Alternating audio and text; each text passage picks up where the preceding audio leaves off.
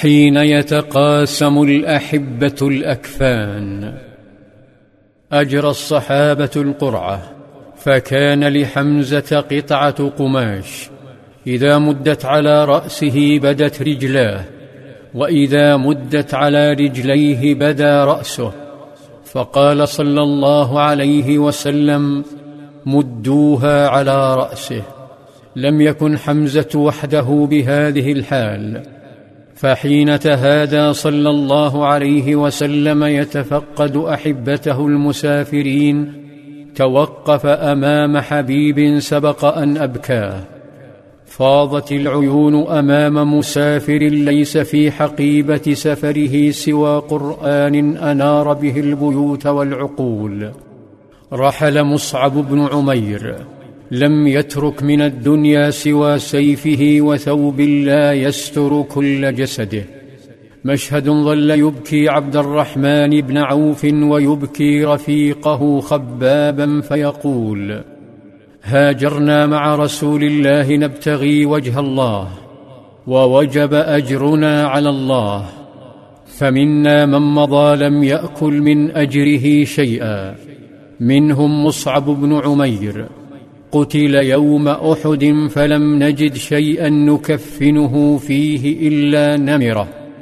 كنا إذا غطينا بها رأسه خرجت رجلاه فإذا غطينا رجليه خرج رأسه فأمرنا رسول الله أن نغطي رأسه بها ونجعل على رجليه من إذخر.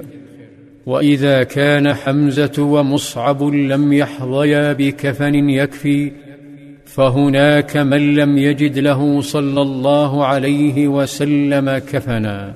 فاضطروا إلى لف الشهيدين والثلاثة في كفن واحد.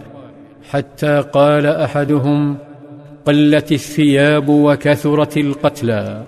وكان الرجل والرجلان والثلاثة يكفنون في الثوب الواحد. كانت مناظر التشويه فظيعة. حتى خشي صلى الله عليه وسلم على النساء من الاقتراب إلا امرأة واحدة. وذلك حين تعرف المؤمنون على شهدائهم إلا واحدا. بلغ التشويه به درجة عجزوا معها عن التعرف عليه. فرجحوا أن يكون أنس بن النضر. فهو ليس بين الأحياء ولا يمكن أن يفر.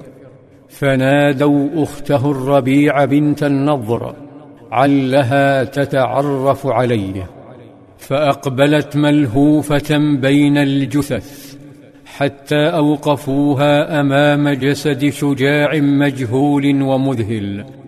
توقفت تتأمل جسدا مزقته أكثر من ثمانين ضربة. فلم تعرف لكنها لم تنصرف. جلست وكأنها تفتش عن ذكريات الطفولة في شوارع طيبة. مدت يدها نحو كفه فرفعتها فتسارعت دقات قلبها. وقلبت أنامله ففاضت عيناها وعلى نحيبها. إنه هو.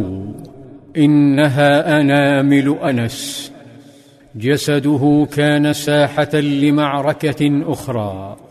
ولو كان له جسدان لأتلفهما في سبيل الله.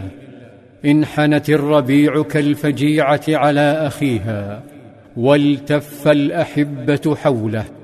في الوقت الذي كان فيه صلى الله عليه وسلم يتفقد بعض أجساد أحبته الشهداء. يتفقد أجسادا لم تدفن كما أنها ليست على أرض أحد فأين اختفت؟